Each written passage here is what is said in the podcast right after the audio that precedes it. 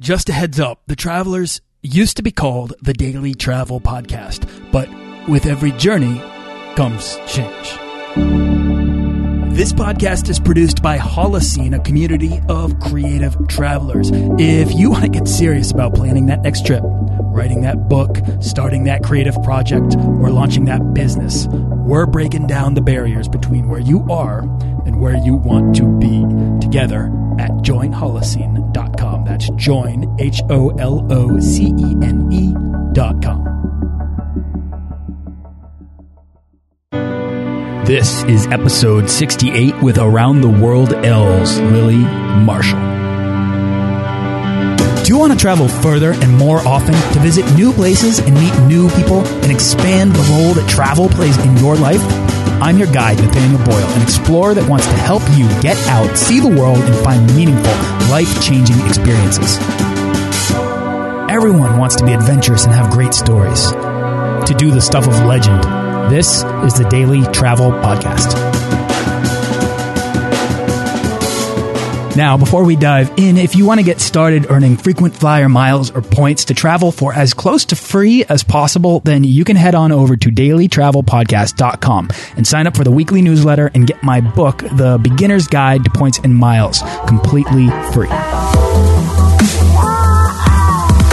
Lily Marshall is from my hometown of Boston, where she taught high school English while spending her summers volunteering or studying in Latin America. And in 2009, she took a nine month she's going to have to correct me on that if I'm wrong, career break to finally get out and see the world, traveling to countries, uh, eight countries on three continents to make travel a bigger priority in her life. And today she's folding travel into her career wherever possible, taking students on trips, going on teacher tours and making it to places like China twice, Greece, India, and Belize, just to name a few. Most recently, she had her first baby, and I'm excited to compare notes with her as she adjusts to traveling with an infant. Certainly a new style, but by no means an end of anyone's travel days. Travel is always a choice, and I suggest you take it. Lily Marshall, thank you so much for coming on the show. I'm excited. Awesome. Where are you right now? Um, I'm in my bedroom with the door closed in Boston because the baby is finally asleep. So we have a little window of time to chat. We've got to pull it off. I know we can do it. Uh, and if the baby starts crying, it's just going to be this great ambient moment for the show. So, um, so I shared a little bit about you, but I want you to take a minute and introduce yourself and how you got started traveling. Um, Hello. Hello. I'm Lily Marshall. I run aroundtheworldl.com and teachingtraveling.com travel blogs. I got started traveling because in, let's see, um, I traveled with family when I was younger, um, but my real solo travel started in college. I realized that I wanted to go into education and that I knew French, but not Spanish um, which is not useful in the Boston public school system because we have such a big Spanish speaking population. Mm-hmm. So I also realized that I had taken French for 12 years and knew, spoke none of it and that if I actually wanted to learn Spanish, I needed to go somewhere and immerse myself in it. Completely. So I found some random Quaker um, volunteer program in Mexico. Wait, I'm not a Quaker. I, I don't know how I found this, um, and ended up um, cobbling that together with a random language school that I found in central Mexico. Um, and by the end of a month, I had skipped five levels of Spanish and was at the highest level in my college. Um, but in in addition to that, realized how much I loved solo travel um, and just wandering around on my own through random streets in, in Mexico, trying the food, meeting the people. Um, and from there, I, I sculpted my life so that I could make it happen that I would go somewhere new every spot of vacation that I had. Amazing. All right. That's cool. See, that's what I want to get into here. And that's completely it. I, Lily, I took French as well in high school. And I'll tell you what, I really love the language. Um, but it has been of so little use to me. Every once in a while, I meet a French Canadian and I'm able to sort of practice it, but it's a mess. I, and like you, I also didn't, you know, I didn't surround myself with the language. I didn't immerse myself in that world. I spoke none of it. And the best way to learn a language, I, I believe, and, and guests have come on the show, the show and pushed forward this idea that the best way to learn is to, is to fail sort of repeatedly. And, and like most things, you need to learn by doing. Uh, travel and getting out there and spending time, uh, doing so, uh, did that. How quickly were you able to learn Spanish then, studying in So- these countries? Um, just one month, I went from level zero of Spanish to the highest level, level five. Wow. Yeah. One was, yeah. One month of intensive Spanish language and living with a, a family in Mexico did it. Wow. All right. Well, there you go. See, anybody listening, I mean, you can do that. It's it's right there, and there's all sorts of resources out there, whether it's uh, Workaway or it's volunteer, it's volunteer programs or it's teaching abroad, whatever it is uh, these opportunities are there. Awesome. So Lily, uh, a lot of people, you know, they dream to travel more, but it's, it's really easy to put it off. You know, there's so many excuses. You know them. I know them. Life gets in the way. So what was it inside of you that sort of inspired the decision to make travel a bigger priority in your life? What, where did the call to adventure come from? Well, I, it's this feeling of being blind and trapped when I'm not traveling. I feel blind because I feel like I'm stuck in this little box and out there there's all these things going on and all these colors and all these surprises and new things. And I'm being left out of them unless I have the opportunity to get on a plane, walk around in different places. And there's this feeling of, um, just that, like a veil being taken off my eyes when I'm in a new place and I say, okay, this is what India looks like. Because the movies sometimes do it justice, but not quite. The books sometimes do, but not quite. And obviously I'm never going to see everything about a country, but I just feel like I'm living my life right when I'm able to see a new place. Yeah, I mean, it's that sense of the real world, quote unquote. It's whether or not it's a perception of reality. It's a perspective of of what things are really like. And I think that some people like to have their definition for what the real world is. And that those are the people that kind of say, you know, well, wait till you get out in the real world. It'll be impossible to travel very often because it's so expensive. But then there's this other perspective, which I think is more of a question oriented perspective. It's that mindset of an explorer that wants to kind of accept that there's a lot out there waiting to be understood.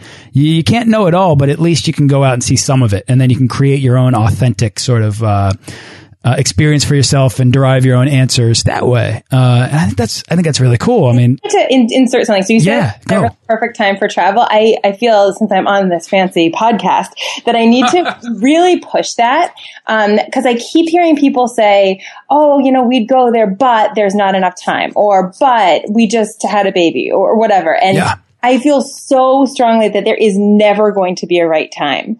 And it's just, you just got to do it.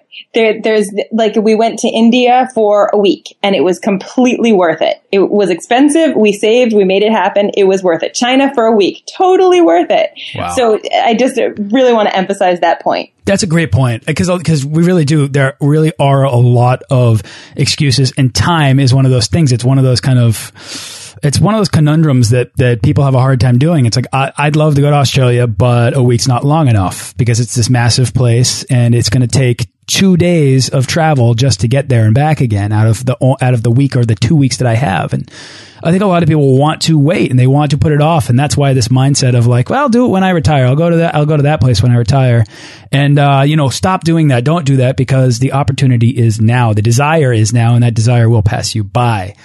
Um, but Lily, what's cool about you is that you gave yourself the permission to travel, right? And as a solo female, that's not something that everyone is comfortable doing. And I always want this show to be a voice in support of taking risk and ignoring, you know, the excuses and the worries and the concerns. And, and I want the show to be sure to congratulate anyone who's taking the steps to go and explore the world. But did you find that there was much naysaying when you wanted to kind of get out there and were there voices that were kind of telling you yeah. not to go? It was really, really bad. I have an article entitled Reactions to My Plans to Round the World. In other words, shut up.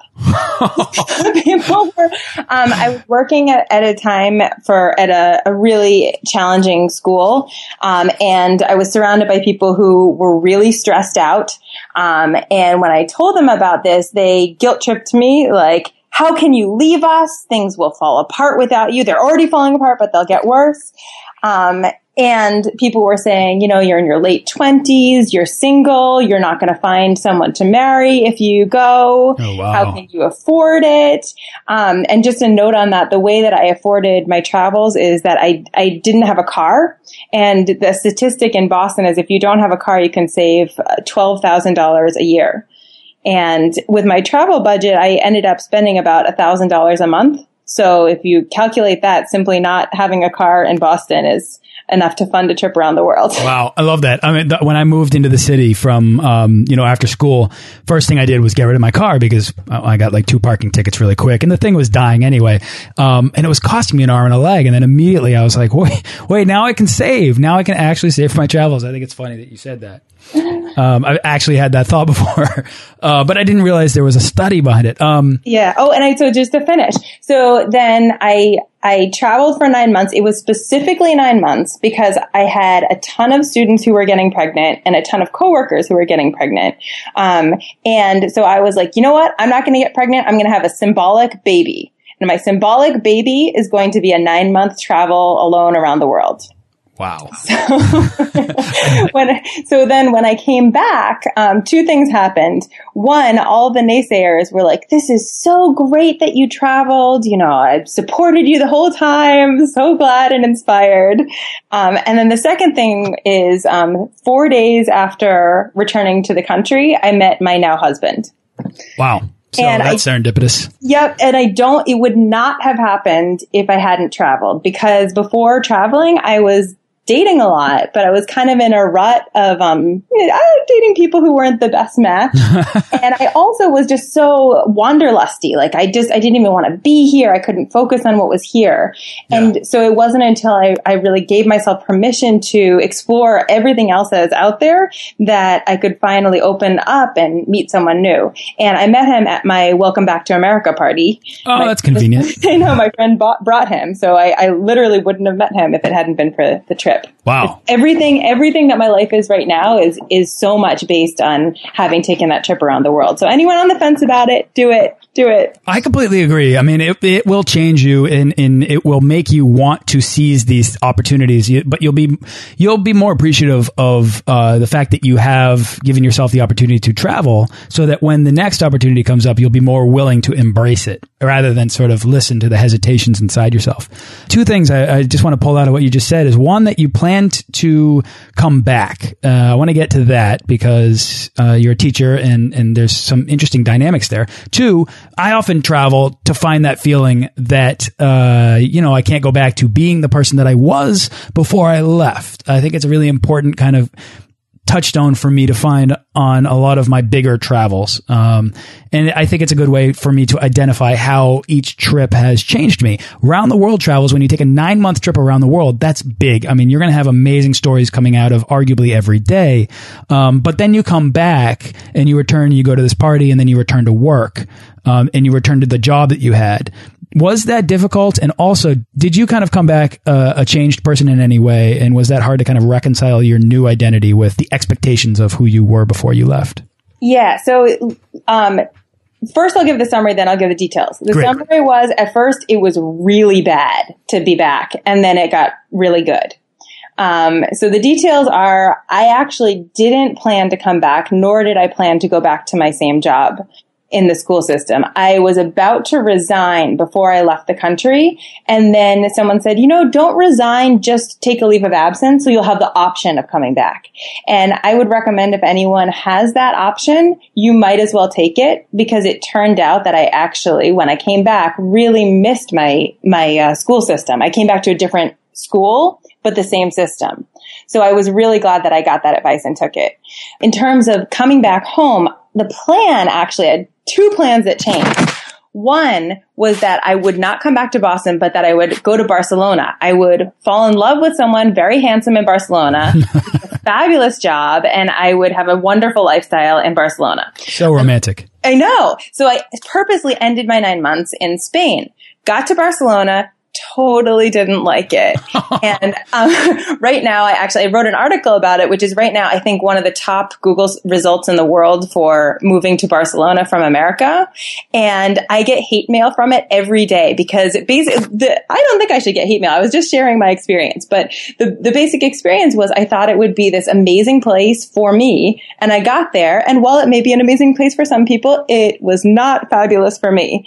Um, nor did I meet that handsome, wonderful person right right off the bat.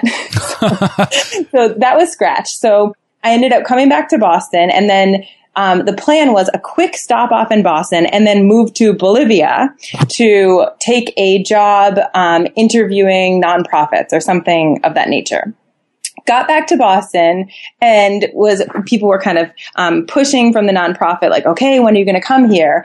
And I was just spending time with my family and seeing some friends, and I was like, I really like it here. I don't really want to leave again. So I, I kind of got clear after a few weeks of avoiding these emails from Bolivia that I actually didn't want to be nomadic anymore, um, nor even settle outside of Boston. That really, I was born in Boston and it's in my soul. I love it. Um, so I, ended I ended up I was in t- took a sort of stopgap um, job teaching ESL to adult immigrants for about eleven dollars an hour, which was not so cool um, after being a unionized teacher. And I ended up um, contacting my school district and being able to end the leave of absence and come back. Um, and so that ended up great in terms of career wise, as well as being able to continue my blog. In terms of my friends, um, I was a different person. I I couldn't talk about my travels that much because how do you articulate nine months of traveling? Right. But I right. had written um, 400 articles.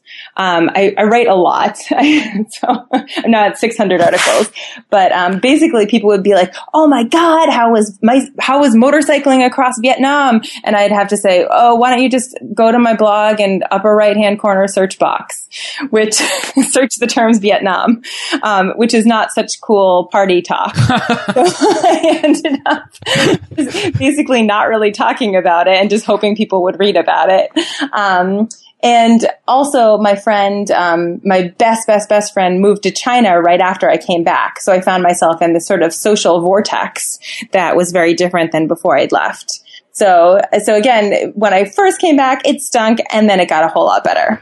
You know, being away helps you really sort of appreciate the place that you're from. I know that when I got back from my travels, I was really happy to have been from the place that I was from. Um, and I really appreciated it more. Um, maybe that was just because I was pushing myself and challenging myself and living on a tiny little budget and, you know, kind of scraping by. And it was just my perspective. I get home and it's a little bit more comfortable, but, uh, and, you know, maybe I appreciate that now more than ever because I like to make myself uncomfortable on the road for the value of it. But at the same time, putting that space between you and home, in there, I think lies the value of, of loneliness. It's kind of like it, the conclusions that you draw from the time that you spend alone away from the people or the places that you love that are a part of you uh, can really give you a good sense of who you are and what you want. Um, and it sounds like that was something that maybe you experienced. When did you start your blog? Was that right before you left? I started it right before I left, and I have to confess to you that I love travel blogging as much as I love traveling. I love it so much. Well, you've put together, would you say 700 articles? Um, so 700, over 700 now, counting teaching traveling. So I'm nearing 600 on aroundtheworldl.com because that, that one is about my travels. And I post now once a week religiously, often more. When I was traveling, I posted multiple times a day.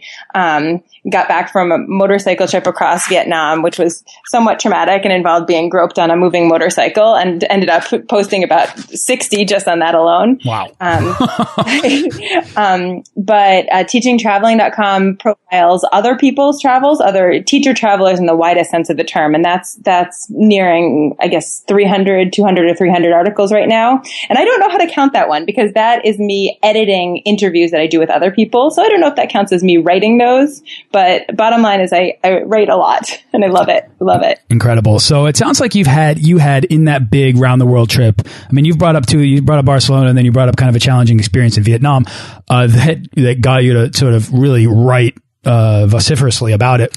Did you have any regrets from any of these, uh, any of these experiences? Um, that's an interesting question. I, would say no. I mean, because I survived and was safe. Right. anything and anything where you that you can live through and survive and be safe and be fine is, I think, worth it.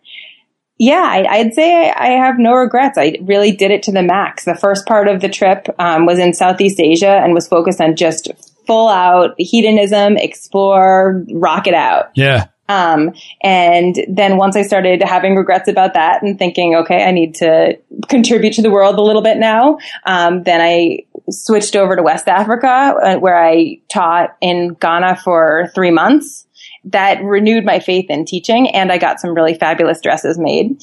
Um, Love it. Really enjoyed the country. And then after I started having regrets about being too isolated, being the only um, foreigner in a small town, then I moved to um, Spain and Portugal. Um, so I'd say that when you're doing solo travel, you really, there's no need to have regrets as long as you are safe. Um, because you can always just switch your circumstances. Exactly. That's exactly, yeah, that's exactly why I kind of was asking you this question because I like that you took a moment to answer that kind of honestly and you kind of thought about it and then you were like, you know what? No, I mean, yeah, they weren't pleasant. They weren't great experiences, but I wish that Barcelona was nicer, but, um, still, you know, you've come away because I, you know, you've come away with a positive experience because a lot of uh, solo travelers, particular, particularly female solo travelers, probably get put off, get scared off by the concerns of others, by the naysayers, by the, um, the sort of the overall perce uh, perception that the world is this big, scary, dangerous place. Well, yeah, I mean, I can speak to that. It's something I think about a lot. Um, I mean, I, as context, I'm six feet tall and quite muscular, and I do think that has helped me. Um, in that I'm taller than most of the world.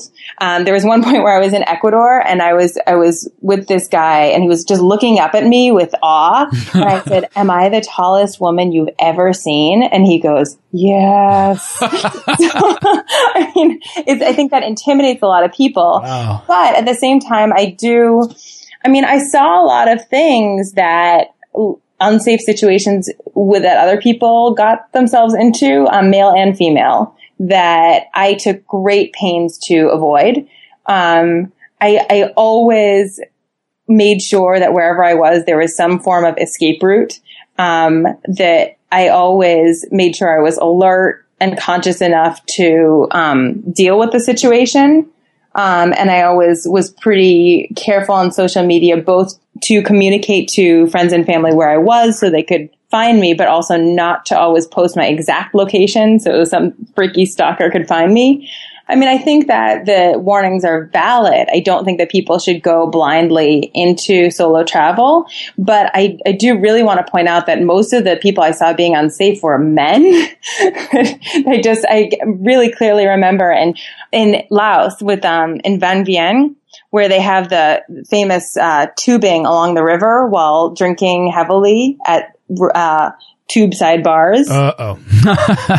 and there are all these rope swings. And I mean, I think there are also like psycho- psychedelic drugs or whatever. Um, I, I, did it completely sober, obviously, because it, drinking and doing psychedelic drugs on a tube in the middle of a rushing river in Laos is not a good idea. But I remember just going down this tube, gorgeous, gorgeous day, water rippling, sun sparkling, and then these guys, um, on on psychedelic drugs, swinging themselves into the middle of the river, inches away from rocks. Oh wow! And um, then hearing about people hurting themselves, and then walking down the street and seeing people with casts and wheelchairs, um, motorcycle accidents. I mean, there are things like I don't want to freak people out from traveling, but it's it's just um, I do want to point out that it's not just women who need to be um, thoughtful. Wow. All right. So, Lily, not every guest that comes on this show is dissatisfied with their job. And every once in a while, I have someone on who loves what they do, even if it tethers them to one location. Uh, Lily, I get the impression that you love being a teacher. I love being a teacher. Um, I currently teach seventh grade, and they're so funny and gangly and sort of awkward. I say that with love. If any of them ever listen to this, um, but um, it's something exciting and creative every day. And you get to be weird. You get to, I get to share my blog and my students all read my blog. Um, and it's in, perfect in the context of, um, I teach global history and current events.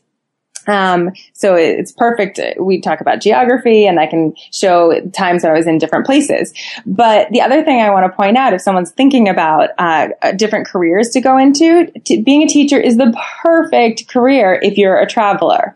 I, like, let me just go over some of the vacations I have besides summer vacation. I have February perfect. vacation, which is a week. I have April vacation, which is a full week. I have um, winter vacation, which is two weeks.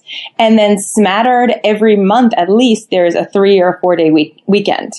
So as teachers in an urban district, we work our tails off, but we are rewarded with these delicious chunks of time in which you can travel. And there are so many grants and programs for teachers to travel for free or cheap. So that's one reason why I started teaching traveling.com because people were just throwing all of these grants at me and telling me about all of these wonderful things. And I am one person. I can't do them all, but I want other people to be able to do them. Um, and so that's been really exciting. One, one that I thought was really cool that was on teaching traveling a few months ago was a travel grant specifically for rural teachers. So I, I, just love this idea of a teacher in the middle of Idaho getting free money to go to um, like Botswana or Germany. It's just wonderful grants that are out there because the idea is that if a teacher can see the world, they have more impact in bringing it back to society because they can then share that experience with all of their students. And I teach 150 kids a day, so that's a lot. Wow. I love that. I didn't even realize that those things things existed, but that's totally what I think any traveler would love to hear because we understand the value that you get from just getting out there and experiencing it, and then sharing it with a younger generation. Um, so, uh, what other opportunities have you found exist for people, teachers, or or even let's say not teachers who who might not want to quit but do want to travel more? What do you usually? What kind of advice do you usually give to those people? So there, you can find all sorts of grants. But honestly, at the end of the day, I feel like just save your money and do it frugally. Like, I, I mean, I, I get all these emails from teachers who are like, well, what about, about a grant to do this and that? And fine, look for them and apply for them and you will probably get it. But if you have to take a loan to travel, do it. It doesn't, you're not going to regret it in the least. Um, cause at the end of the day, it's just, it, it maybe a few thousand dollars, but it's worth it. Lily, I really want to discuss the baby thing. Um, yeah. Yeah, we need to get into that before he wakes up. How old is your son right now? My baby's eight months and oh. chunky. um, if you're six feet tall, you probably got a pretty big kid. He is in the high 90th percentile. Like he was 99th, and we were a little disappointed that he wasn't 100th percentile of height. He's he's huge. you got to set goals. Uh, since you had the kid, have you heard much naysaying from people about your travel lifestyle? Have you been told that you're probably not going to go anywhere for a while? Yes, I was told I wouldn't sleep. I was told that my life was over, but it's worth it. Um, I was told that I wouldn't travel, and so I was really happy that we very successfully successfully took a trip to Puerto Rico last week. Nice. And, oh, yeah, that's very recent. Very recent. Um, and it was awesome. And I dare say it was, I'm really ready for this stage of travel. I, it's, it really connects you to the local people to have a baby and I it was just so nice to um, be chilling in the like in the pool in San Juan, and one of the hotel workers stopped and chatted with us and was like, "Oh, I have a baby the exact same age. He has the same name as me, but we just switched the first letter of my name to his name." Um, so I was joking with my husband that my husband's Colin that we should just switch it to Dolan or something. but, um, but yeah, I mean, I really like it. It was so much easier than I thought it would be. And another thing I like about travel with a baby, so this is all to refute that um, that you your travel life is over when you have a baby. Another thing I like about it is that um, you can't be like crazy sightseeing psycho and see every little thing.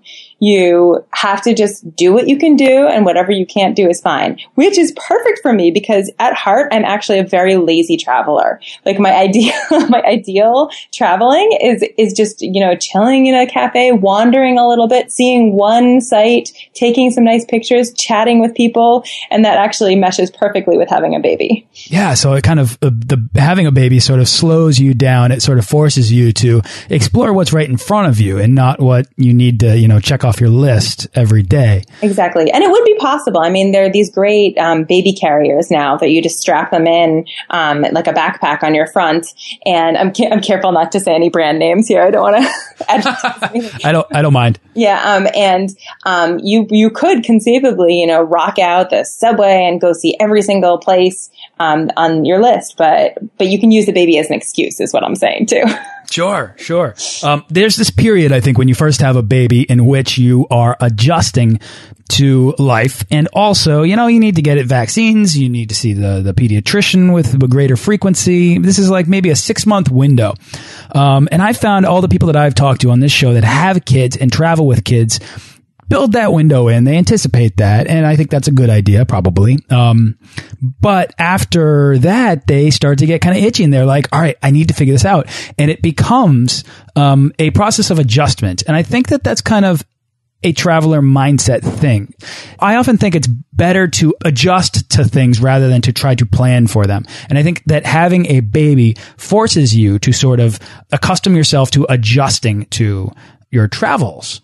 You probably correct me if I'm wrong, went to Puerto Rico with a baby, uh, having a couple things that you might have wanted to see, but you were probably like, let's just see how it goes and take this uh, day by day and minute to minute. Yep, exactly. I like that because I think planning um, planning is hard with a baby in general. Um, just so the listeners know i was late for this podcast because of the baby. Um, but i wasn't going to tell them um, but I, I, really like how you put that that you you just you have a general plan and you just have to be okay with things changing. So for example we were in puerto rico and um, we um, were driving from San Juan to Rincon, and on the way we were passing two things that I wanted to see. One was the giant satellite dish in Arecibo, and the second were these caves. And the satellite dish was actually ended up we pulled off we we and we realized that we would be able to see it with the baby. We just hiked up a little hill um, popped in the museum was really easy we had him in the carrier he stared at the satellite dish perhaps interacted with et telepathically i don't know um, and then got back in the car and that was easy. And then we got to the caves and as we were going towards the caves i was kind of googling it with my um with my phone because um, American phones work in Puerto Rico, no charge, which was great. Um, and saw that a few posts that said it might be dangerous to carry a baby on them. So at that point, we were exhausted anyway, um, and the baby may have pooped. So we just driving and ended up in Rincon and slept that night. That's the thing. But that's the other thing. I mean, if the baby poops, you can just change them on the spot. These things don't stop you from traveling. They just as you said, slow you down. And the slowing of, of your travels is actually a thing that you can derive a lot of value from. When you travel with kids to places, they can look at things with childlike wonder. And a lot of the time, you can sort of derive the same wonder from the way they look at that thing. Um, your kid's young, very young, um, and probably still sort of orienting himself to the world, still, still gaining his ground and bearing. But, um, has that affected you at all in the way you perceive things, the way you look at things? Yeah, and I can actually speak to that too, traveling awesome. with students, um, because I oh, yeah. with um, middle and high school students to China, and I think that might be a peek at in the future how that will be. Um, the yeah the way I was talked into the trip was the person in my district who wanted me to lead the trip goes you haven't experienced travel until you've seen it from the eyes of a child. And I was like oh, okay. I, I, don't want to miss out on an experience. Okay. Um, and she was right though. I mean to be I had I had been on the Great Wall of China the year before but to be on on the Great Wall of China a different part this time with a whole bunch of um, 14 and 15 year olds who ended up doing backflips on it and um, taking videos of themselves doing backflips on it was really awesome. and just to see them uh, like going through an, a rickshaw through the old part of Beijing and have them be like, "This is the coolest thing ever." It reminds me of my home in El Salvador. Was was really interesting too. just this whole perspective because the students were from, um, as all um, most public school students are, um, a big immigrant population. So that was a whole other layer on it. It was not just childlike wonder, but it was this the point of view of kids who are from other parts of the world. So, Lillie, what are your plans in the future for your son and uh, as a as a new family and with regards to travel? So, I've been planning as best I can to ramp up the rigor of our travel. So, first we started his baby's first trip was when he was three months old, and we went to Florida. Um, actually did that alone without my husband because he was working, but my cousin met me down there. Um, then ramped up to Puerto Rico, which is almost international, but not quite. next step is going to be an actually international place that is going to be pretty easy and um, I can be a kind of a germaphobe and worry about those things. So, um, someplace that has high medical facilities. Um, eyes, eyes are set perhaps on Ireland. Not sure mm-hmm. about that, but maybe, maybe Canada. Um, and then ramping up and up and up until we, we get into the, the realm of, um, developing countries again, which I really enjoy traveling in. Yeah, and I think there's obviously a lot of value there, but you have some time before your son begins to kind of recognize the value of the travels that he's having before he kind of starts to pay attention to these things. We were joking that he, I just printed out um, another travel tip. Um, you can print out hundreds and hundreds of travel photos for like $6 at, at local drugstores like CVS or Walgreens. I just printed out 400 travel photos and made huge collages of them on secondhand um, picture frames. So they're hanging all over our house right now.